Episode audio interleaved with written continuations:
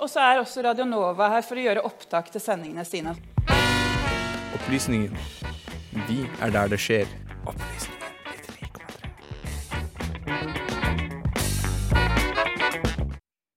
Temaet for eh, årets markering av Black History Month er Visste du at det har vært eh, afrikanere i Norge i over 400 år?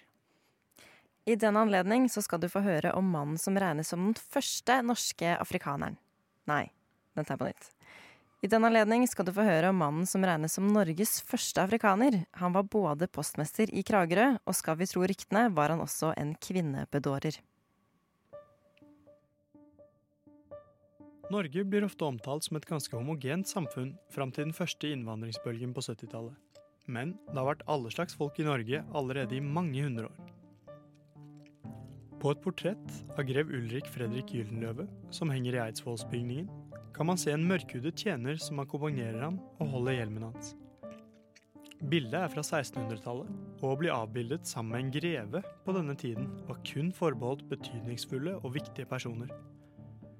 Mannen på bildet er trodd å være Christian Hansen Ernst, en bemerkelsesverdig person. Han var ikke bare en av de første med afrikansk avstamning i Norge. Han var i tillegg også Norges første svarte embetsmann. Vi skal ta for oss de mange mytene rundt livet til Christian Hansen Ernst. Og det må understrekes at livet hans er nettopp det myteomspunnet. Vi må derfor ta forbehold om at historien ikke nødvendigvis gjenspeiler den nøyaktige virkeligheten. Christian Henry Ernest skal ha blitt født som slave i England, og kom allerede som barn inn i huset til grev Ulrik Fredrik Gyldenløve, sønn av kong Fredrik 3. av Danmark-Norge, mens Gyldenløve var utsendt til London.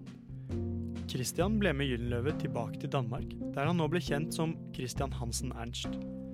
Tre år senere gikk veien til Norge, der Gyldenløve hadde fått tittelen stattholder. Stattholderen i Norge var kongens stedfortreder og den øverste lederen på norsk jord. De neste årene tilbrakte Christian ved hoffet til Gyldenløve, både i Kristiania og København.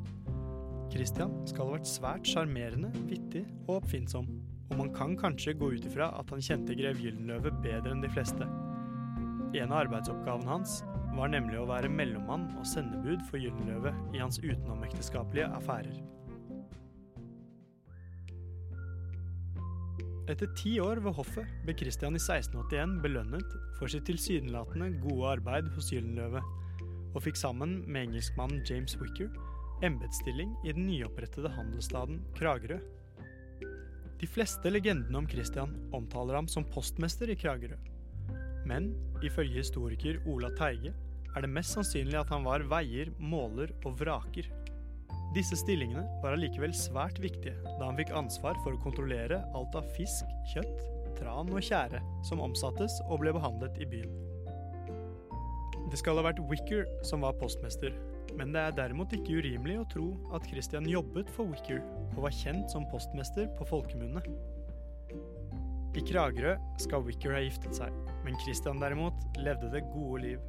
Han skal ha vært kjent for sitt enorme dametekke, og han skal ha blitt far til mange barn i løpet av sine år som embetsmann. Historien om Christian Hansen Ernst, postmester i Kragerø, ender derimot tragisk en mørk natt den 17. august 1694.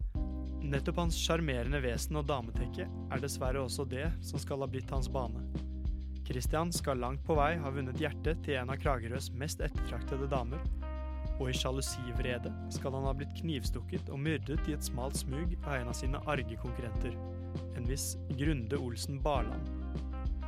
Senere postmester i Kragerø, Markus Bernholt, oppsummerer nøkternt sin forgjengers liv og virke i Kragerø 60 år etter hans død. Christian Hansen Ernst var mor i han. Om ham er til like fortalt at han var postmester. Han ble ihjelstukken på gaden om natten den 17. august 1694. Han kommer her til byen anno 1681 med tolder Vicker, som var engelskmann. De hadde begge været til Gyldenløves hoff.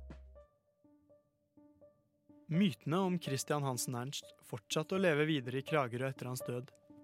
Og han skal annet gå igjen i huset der han bodde.